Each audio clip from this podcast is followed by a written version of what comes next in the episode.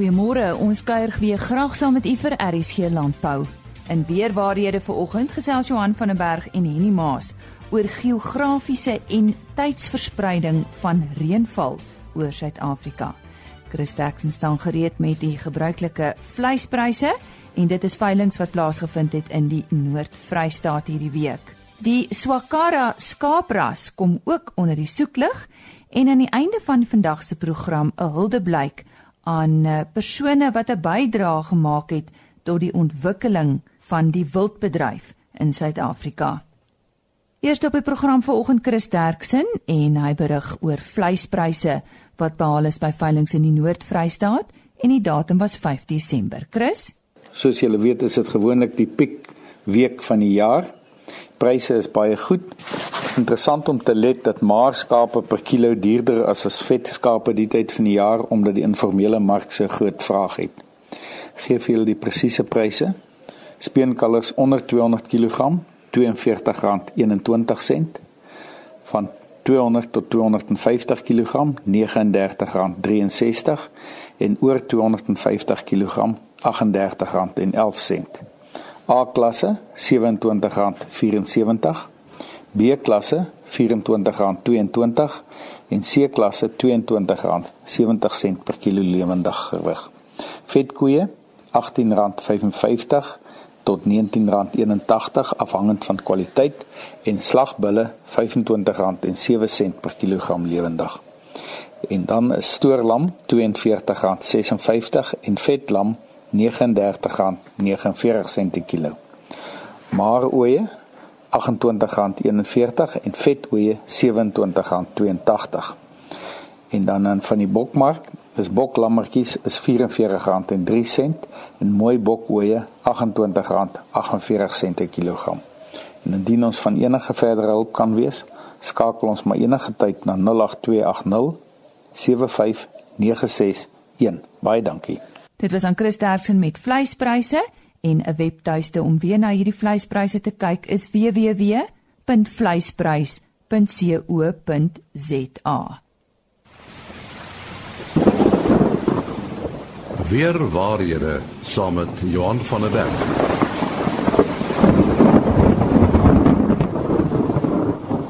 Ja, dit is uh, nou tyd weer vir weer waarhede saam met Johan van der Berg. En die keer gaan hy gesels oor geografiese en tydsverspreiding van reënval oor Suid-Afrika. Johan? Ja, en dit is so aanleiding van die normale vloei oor 'n seisoen of oor 'n jaar uh van hoe die reënvalpatrone behoort te wees uh en dan ook die afwykings van dit. Nou as ons in die winter kan begin, dan weet ons die Wes-Kaap uh kry reën hier Mei, Junie, Julie se kant se kant uh eers kry ons dan uh die kom ons sê die Weskus gedeeltes en dan begin hy skuif meer na die suidkus en die ooskus se kant en dan hier na Augustus, September, Oktober uh dan is hy hier teen die kusgebiede uh selfs al hier teen die oos en half noordkus se kant toe. Interessant dat 'n plek so Swellendam wat eintlik in die Weskaap en in die winterreënvalgebied lê, se meeste reën kom in Oktober voor. Uh so dit uh, daar is al 'n patroon dat dit skuif na die suidkus gedeelte toe. Daarna skuif hierdie reënvalpatroon meer na KwaZulu-Natal se kus. Uh en teen September Oktober begin die binneland van Mpumalanga KwaZulu-Natal nie Oos-Kaap reën kry. Uh dit gaan nog dikwels gepaard saam met koue fronte, maar die reën begin dan al verder noord gaan. November en Desember is die hoogste reënvalmaande in die oostelike en noordoostelike gebiede van die land. Daar begin dan enkele buie oor die sentrale en westelike gedeeltes voorkom hier vanaf Oktober tot Desember en tradisioneel is die midsomer droogte dan hier oor die sentrale westelike gedeeltes so van middel Desember tot middel Januarie. Na die midsomer droogte verander die reënvalpatroon. Uh die die band van reën skuif nou meer sentraal uh met Februarie die hoogste reënval maand oor die Vrystaat en die oostelike gedeeltes van Noordwes provinsie en die Noord-Kaap die tipe van reën is ook meer uh of groter stelsels wat meer algemeen reën. So Februarie is dikwels al redelik droog in die oostelike gedeeltes van die land, so die reënpatroon skuif weste kant toe. Teen Maart April kry die verre westelike gedeeltes die meeste reën. Uh en oos begin dit dan uh, redelik opklaar. Teen Mei begin daar weer koue fronte deurkom oor die Kaap en begin die patroon van vooraf. Nou daar is afwykings wat ons in hierdie patroon kry, so daar's nooit een jaar wat tipies so is nie. Die grootste afwykings kom voor met El Niño en La Niña jare. As ons 'n El Niño seisoen het, dan begin die reën vroeg. Uh en as die Weskaap kry al vroeg reën hier van Maart maand se kant af, maar dan trek dit ook na die binneland toe dat hier Augustus September uh is die sentrale deel van die land uh uh al al kry al redelik reën. Maar dan is die November, Desember, Januarie en selfs later in die seisoen is droër. Dan is La Nina jare soos een wat ons vanjaar so amper het, ons is 'n swak La Nina fase wat laat ontwikkel het. maar met La Nina begin die reënval laat uh hier oor die sentrale gedeeltes. Oktober, November uh kry ons maar ons eerste reëns. Uh maar dan is dit nat in die midsomer. Uh Desember, Januarie en selfs Februarie en veral Mei maand. Maar ongeag van dit, die geografiese patroon bly dieselfde met die fronte wat dan die Weskaap tref aan die begin van die hier in die winter onbeweeg suidkus, die ooskus, oostelike binneland, sentrale binneland en dan die westelike binneland voordat die fronte weer begin. So daar is 'n normale patroon, hy wyk af, maar soos byvoorbeeld dit reën nie sommer oor die Vrystaat en Noordwes en die Noord-Kaap as die oostelike gedeeltes van die land nie goed reën gehad het nie. So mens moet maar oplet na hierdie patroon.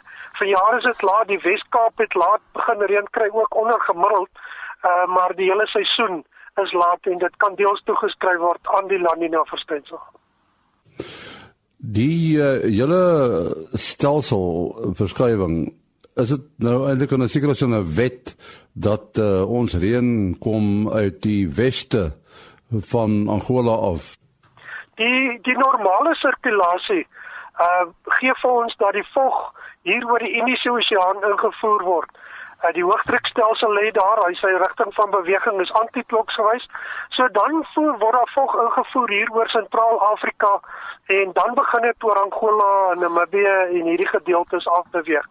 Maar dit is nie absolute wet nie. Daar kan in sekere gevalle kan reën direk as die stelsel sterk genoeg is kry ons hierdie oostelike stelsels wat sommer direk van die Indiese Oseaan vir ons volg invoer. Uh en dan die Weskaap die winterreënvalgebied. Uh se volg kom nie uit die troop uit nie. Dis maar wat hier oor die oor die land teenwoordig is. Uh en wat dan deur die deur fronte opgelig word tot hoër laag wat dit reën vorm. Maar die meeste van van ons reën kom hier oor die sentrale eh, gedeel of wat oor die sentrale deel van die land voorkom. Uh kom oor die westelike of Wes-Afrika suidwaarts wat dit beweeg en dan suidooswaarts. Ons sê baie dankie aan uh, Johan van der Berg van Santam Landbou. Die Swakara skaap is blykbaar een van die oudste skaaprasse ter wêreld. Nou deesdae word hulle veral in die Kalahari omgewing en Namibië geteel, hoofsaaklik vir hulle pelse. Nou Julien Meyer, die voorsitter van die Swakara Raad in, Namibië, gesels met ons oor die unieke skaapras. Nou vertel ons bietjie oor die geskiedenis van hierdie Swakara skaap. Julien, goeiemôre. Goeiemôre Lize, ek hoop dit gaan goed aan daai kant. Man, die Swakara bedryf is 110 jaar oud hierdie jaar. So 24 September 1907 het 10 oeye en twee ramme van Bukhara, Uzbekistan, baie Duitsland en Namibië gearriveer. Vyf was oeye gewees en drie van die lammes en een ram is op die ou end na Albert Voogds toe van Voogdsgrond stoetery. En daarna as 'n gedeelte daarvan het die regeringsstoetery wat vanaf 1920 deur Eddie Thompson op Nooidam bedryf is. Ons het vier hoofkleure, waarvan die swart ons gewildste kleur is dan het ons bruin wat stam uit die swartheid grys wat in 1915 ingevoer is vanaf Duitsland. En dan het ons wit. Die wit is actually 'n Grootfontein Landbou College in Suid-Afrika geteel dis 'n swart karakool en die wit wolpersie wat gekruis is. En toe in 1920 het Grootfontein Landbou College hierdie skaap aan Noidam en Eddie Thompson verkoop. Nou Eddie Thompson hy is die vader van die vlak en die water sy tipe um, wat bekend is daarvoor dat hy 'n ram gebruik het met die naam Netit. en Netit was 'n ram wat 'n ligter pels met 'n korter en 'n beter haarkwaliteit geteel het. En hierdie ram is 'n baie groot rigtinggewer gewees vir ons bedryf. Daar was natuurlik baie teenkanting gewees vanaf die teelersgenootskap omdat dit afgewyk het van die voorgeskrewe pypkrul tipe. Maar na die aanvanklike teenkanting in 1947 het hierdie beroemde stoetery teeltmateriaal in die kommersiële kuddes verskaf en dit het geweldige vooruitgang in ons bedryf bewerkstellig. Nou, jy het so gepraat van karakool. Is daar 'n verskil tussen 'n karakool skaap en 'n swakara en hoe hoekom verskil die name? Man, in 1966 is die swakara handelsnaam al begin gebruik. In 2010 het ons die rasnaam verander na swakara.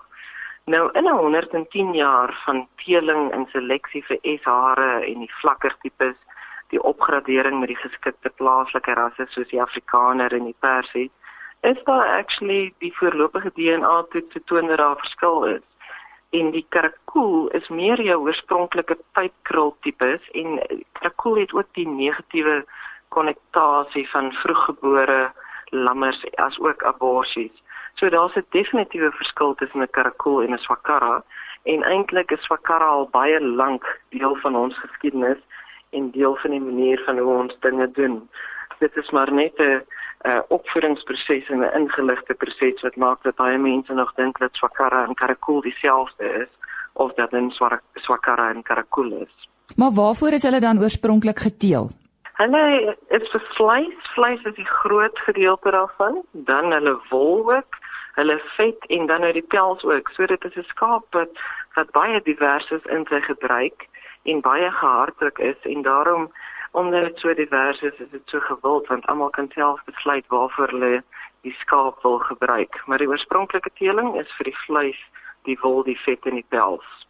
Waarom is Sokwara produsente hoofsaaklik in die Appington Namibië streek geleë? Are die skaap dan beter in daai warm droë toestande? Ons Sokwara hou nie van baie reën en lang gras nie. En die groot voordeel omdat hy nie van hierdie lang gras en baie reën hou nie, is dat jy kan diversifiseer tussen die pels en die vleis afhangend van die veiding wat beskikbaar is. En die ras is ook baie aanpasbaar en presteer baie goed in semi-arid gedeeltes van die land en dit is dan hoekom dit in die Appington en Mbewe streek so gewild is en so goed aanpas. En die pelse, waarvoor word dit gebruik en wat maak dit so besonder? Dit word in die modewêreld gebruik. Dit is so saaklik kledingstukke, bybehore, juweliersware, handsakke, uh, eh, sakrekenaar, sakke, um, al die tipe van goed. Dit het 'n ligte gewig, baie elegante voorkoms en die kledingstukke is ook goed vir reg hierdie jaar dra.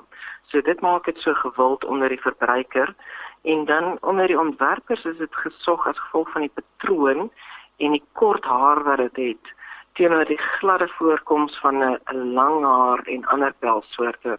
Hy maak jou ook baie slanker, die vertoon, die vertoon elegant en slank, maar baie van die ander pelstipes vertoon meer pofferig en groter. En dis kom dit ook so gewild is onder mans en vroue modes onder dit die styl wat dit in verwerk word maak dat dit 'n baie elegante voorkoms het en dat dit jou baie slanker laat lyk meer van 'n tydlose klassieke elegansie. So hoe groot is die mark en word dit dan grootendeels uitgevoer? Ja, alle pelse word uitgevoer. Die grootste mark is die Grieke wat vervaardig vir die Russiese mark. Dit is nie jou lang tradisionele rasse daardie mooi blonde Russiese vrouens in die lang enkeljasse. Ehm um, daarna is dit Italië wat ons sterk modemark en ons ontwerpers is. Klein gedeelte gaan na Hong Kong toe en die belangstelling in China raak met elke veiling groter en nadat ons nou in China was, ehm um, glo ek dat ons by ons volgende veiling 'n baie groot Chinese invloed gaan hê in in terme van die kopers. Swakara is maar 'n druppel in die wêreldwye pelsmark en 'n klein gedeelte daarvan, maar dis 'n druppel wat vir 110 jaar al gewild is onder kopers en dis wat dit so gesog maak omdat dit so 'n tydlose, elegante produk is. Kom ons gesels 'n bietjie oor die bemarking. Hoe geskied dit nou in Namibië en in Suid-Afrika? Die Sakara Raad het 'n bemarkingsagent. Ehm um, in Namibië is dit Agra, in Suid-Afrika is dit KLK. Hulle ontvang die pelse en dan stuur hulle dit na Windhoek waar die Sakara Pels Sentrum alle pelse sorteer. Dit sluit nou in pelse van Namibië, Suid-Afrika en Botswana. Daarna gaan hulle deur 'n proses van kwaliteitsbeheer en dan word hulle versend na Kopenhagen toe in Europa waar ons veiling gebeur, ons het twee keer per jaar 'n veiling, 'n somer en 'n winterveiling, so 'n Maart-April veiling en 'n September veiling. En Copenhagen Furs dan met die grootste veilinghuis ter wêreld. So die bemarkingsproses is baie eenvoudig, goed georganiseer. Dit geskied op 'n kosteverhalingsbasis vir die produsent. Ehm um, so die, die koste is baie laer om 'n internasionale produk te bemark as wat dit in vergelyking met ander internasionale produkte is. Watter uitdagings on, ondervind julle as Swakara teelers in die bedryf? Ja, ons het altyd die uitdaging van om genoeg pelse te verskaf in die mark en goeie kwaliteit pelse. Dit is 'n aanhoudende dis al vir 110 jaar een van die uitdagings wat ons ondervind omdat 'n goeie kwaliteit Swakara tel so gewild is. Dan het die vleispryse ook 'n groot invloed op die getalle omdat die produsente keuse het of hy pels wil produseer of hy vleis wil produseer. En dan ook die klimaattoestande. Indien ons 'n goeie reenseisoen het dan wil ehm um, produsente eerder hulle kuddes bou en wanneer die klimaattoestande swak is dan wil hulle eerder nog steeds produksie eenheid hê. So dan is die pels industrie weer sterker. Julien, hoekom word die lammetjies geslag wanneer hulle slegs 'n dag oud is? Nou dis nogal hartseer. Maar hoe, hoe en hoe bestuur julle die dierewelsynsaspek in die verband? Ehm um, elke dag wat die lam ouer raak, raak die hare langer, dan verloor die pels karakter en daardie ligte elegante voorkoms. Die dierewelsynsaspek dink ek sal altyd daar wees solank enige diere vir mode gebruik word. Maar die groen verbruiker is bereid om pelse te dra, maar hulle soek dan die versekering dat ons aan sekere standaarde voldoen. Daarom werk ons baie hard daaraan dat ons huis in orde is en dat ons voldoen aan alle menslikheidsstandaarde vir pelsproduksie wat deur ons verbruikerslande vereis word. En die die pelsboerdery is 'n klein gedeelte van die volledige dierewelsynsaspek wat ter sprake is. Ons begin byvoorbeeld met om seker te maak dat daar nie 'n tekort aan water, veiding is nie, dat die diere nie gespanne is nie, dat die verwerkingsproses op die mees natuurlike wyse plaasvind, dat dit net organiese materiale is vir diere inneem, maar dan gaan dit ook verder. Die veilinghuise moet voldoen aan dat hulle net pelse verskaf van gesertifiseerde plase. Die dressers en daaiers kan nie chemikalieë gebruik in die proses nie die ehm um, fa die fabrieke wat hierdie pelse produseer moet kan bewys dat die mense wat daar werk word volgens arbeidsstandaarde wat aanvaarbaar is behandel. So die die welsynsaspek is baie groter as net die diere welsynsgedeelte. Ons help ook deur ons praktykkode gereeld aan te pas. Dis 'n dinamiese praktykkode en omdat ons ons plase van die produsente sertifiseer, maak dit dan ook dat ons van 2020 af by enige veilinghuis wêreldwyd pelse sal kan verkoop en pelse wat verbruikers gemoedsrus kan gee kan verkoop. En ons doen geweldige baantrekkerswerk in daardie opsig omdat ons die eerste langpels bedryf is wat gesertifiseer word. So Swakara sit die trend as ek dit so kan stel, ekskuus vir die Engelse woord maar sê die trend vir die karakul van Uzbekistan, Kazakhstan, al daardie standlande. So ons probeer regtig van ons kant af om seker te maak dat ons verbruikers gemoedsrus het en dat hulle weet hierdie hierdie produk word geproduseer met geweldige integriteit en dat alles in ag geneem word en dat alles in plek is om seker te maak dat wanneer hulle pels dra, hulle trots kan wees op die pels wat hulle dra. Maar die volwasse skape se wol word hulle dan ook gebruik en indien wel wat wat is die eienskappe van hierdie wol? Ja, die wol word ook gebruik. Ehm um, die wol is grof uit 'n dik vesel. Kan nie vir kledingstukke gebruik word nie, maar dit word vir matte gebruik en hulle maak geweldige mooi en duursame matte. Dan ehm um, dit is ook ideaal vir die vervulting, die donkerder kleure wat vir baie industriële doeleindes gebruik word soos isolasie, klankdempers by motor engines, basisse vir sitplekke en dis meer. So op die ou ende word die hele Swakara produk word holisties verbruik. Daar's niks wat verlore gaan nie. En ehm um, dis kom ons ook so trots is om daarmee te boer want dit pas in by ons as mens se bewaring. Dit pas in by die gebruik van alles wat betrokke is. En daarom ja vir ons hoop ons is nou 110 jaar oud en ons hoop vir die volgende 110 jaar sal ons vooruitgang hê en sal ons net meer gemoedsrus aan verbruikers kan verskaf. Nou ja, die dame wat so lekker gesels het oor die Swakara skaap is die voorsitter van die raad in Namibië, Julien Meyer. As 'n hulde blyk aan diegene wat 'n bydrae tot die ontwikkeling van die wildbedryf gemaak het, het die tydskrif Wild en Jag saam met verskeie rolspelers onlangs die boek Master Game Ranchers of South Africa uitgegee. Ja, ons gesels nou met Henny van der Walt oor hierdie projek en waarom die wildbedryf juist so iets nodig het. Uh Henny, die aanduiding tot die uitgee van die boek, wat was dit? Uh ja, Henny, die outeurs Tisha Stein en Piet van Sail was ook die outeurs van die boek Meesterboere, Doeners en Denkers. En hulle het reeds in 2016 begin om die inhoud van die boek bymekaar te maak.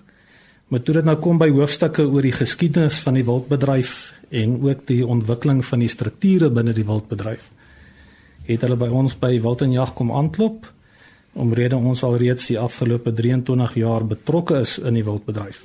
Nou ja, ons het uh, koppe bymekaar gesit, so 'n paar ekstra hoofstukke saam beplan. En ja, hier is die boek nou en ons is baie trots op hom. En, en hoekom meen jy dink jy is dit belangrik om erkenning te gee aan aan die uitskieters in die bedryf? Ek sal hulle nie noodwendig hierdie wildboere uitskieters noem nie, maar hulle is persone wat wel 'n bydrae gelewer het of nog steeds lewer tot die ontwikkeling van die bedryf in die land. Ehm um, daar's onder andere hande uh, hoofstukke wat handel oor die geskiedkundige bydrae. Daar kan ek dink aan persone soos Dr. Johan Kriek en Dreyer van Sail wat reeds hier van die 1970s af begin het om byvoorbeeld weer swartwit pense en Buster Gemsbokke van Malawi af in te bring. En dan staan 'n hoofstuk oor oom Willie Roo.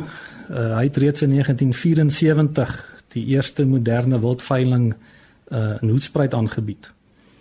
Ons gesels met huidige top wildboere soos Piet Warren, Jacques Malan, Piet de Tooy, Henny Barnard, sowel as uh, vroue wildboere soos Tina de Jager en Enaline Duivie net om so 'n paar te noem en hulle deur die seleksie van topgene weer top manlike en vroulike diere geteel. As ons kyk spesifiek na besonderse horinglente en fenotipe eienskappe. Daar's hoofstukke oor persone soos Dries Visser en Arthur Radman se bydrae tot die Suid-Afrikaanse jagbedryf waar ons plaaslike jagters jaarliks 7 miljard rand spandeer en ons oorseese jagters 1.65 miljard rand. En dan is daar ook hoofstukke oor ekotourisme. Mense moet in gedagte hou, uh, nie almal jag nie. Beide Suid-Afrikaanse en buitelandse toeriste hou daarvan om in die natuur tyd te spandeer en um, as ons kyk daarna bydra dat uh private wildreservate in Suid-Afrika beslaan 16 miljoen hektaar teenoor die nasionale en provinsiale parke van 5.5 miljoen hektaar. So ekotourisme is 'n baie belangrike deel. Ons het gesels met Wian van der Linde oor die totale waardeketting van wild. Dis vanaf die teel van die diere, die jagbedryf, taksidermie, regdeur tot by wildsvleis. Interessant genoeg, in Suid-Afrika verbruik ons jaarliks 150 000 ton se wildsvleis. Wat baie mense nie weet nie, is dat persone soos Jan van der Walt, Andrew Conroy en Louis van Rensburg verantwoordelik was vir organisatoriese strukture binne die wildbedryf ook reeds hier van die vroeë 1980s af. Uh en dit het gekom van die oorspronklike wildkomitees tot die huidige WRSA van vandag. Ons het uh, gekyk na of ons kyk in hoofstukke na die visie van die toekoms deur top sakemanne wat ook wildboere is, soos Louis van der Walt, Norman Adami en Teboga Mogoshua. En Loot Bester van Wildswinkel sluit die boek af met 'n stelling dat al die wildboere in hierdie boek met hom sal saamstem dat die wildbedryf groot potensiaal inhou vir die ontwikkeling van beide die wildbedryf sowel as ons pragtige land. Nou dis dis 'n klomp inligting wat ingewin is. Hoe wen 'n mens die inligting in? Ja, en die wildboere is reg deur die land versprei, maar gelukkig is wildboere vriendelike mense wat jou graag onthaal op hulle plase En dit het dus die duisende kilometers die moeite werd gemaak en die baie tyd weg van die huis af. Ons het by die boere op hulle plase gaan kuier en saam met hulle deur hulle historiese inligting en fotos gewerk en net lekker met hulle gesels oor hulle ondervindings en ervarings in die bedryf. Die uh, wildbedryf uh, het 'n aandeel in die land se ekonomie. Is volwaardig, né? Nee? Beslis, die wildbedryf dra jaarliks sowat 20 miljard rand by tot die uh, BBP van ons land. En dit sluit nou in vanaf die teel en verkoop van die wild, uh verwante ekotourisme uh, bedrywighede, die jagbedryf en die vleisverwerking. En die wildbedryf voorsien werk aan 140 000 mense binne die bedryf. Nou is nou baie gesê oor uh die wildbedryf in die algemeen uh die afgelope klompie jare eksotiese wild. Die ouens het nou al probleme, is dit volhoubaar? En ja, ons verwys net eerder na die term kleurvariante en ja, uh kleurvariante het nog altyd voorgekom net in kleiner hoeveelhede in in geïsoleerde areas. Hulle was diskaars en daarom was kopers bereid om sulke hoë en duur pryse vir hulle te betaal. Nou dat die dat daar baie van hulle is, die getalle is op en hulle is algemeen beskikbaar, het die pryse gestabiliseer op 'n vraag en aanbod basis. As jy vra oor die volhoubaarheid, nou ja, nou dat hulle pryse gestabiliseer het en hulle kommersieel beskikbaar is en nie net beskikbaar is as toediere nie, het hulle ook nou 'n jagwaarde gekry. En daarom sal ek dus sê hulle is volhoubaar. Maar die kleurvariant in my opinie sal nie weer daai miljoene rande per dier wees wat dit so jare wat gelede was nie. Mens moet altyd in gedagte hou of dit nou 'n skaars dier, 'n gewone of 'n kleurvariant is waarmee geboer word. Elke wildplaas in ons land dra by tot die habitatbewaring. Want daardie plaas was eers 'n gewone beesplaas of uh, was gevestig op ander marginale landbougrond. So dis waar dan nou fauna en flora bewaar word en mens moet onthou wildboerdery is benewens bewaring tog 'n besigheid wat moet geld maak. En as ons uh, in daai opsig daarna kyk, ons Suid-Afrikaners is meesterboere en boere wat volhoubaar boer.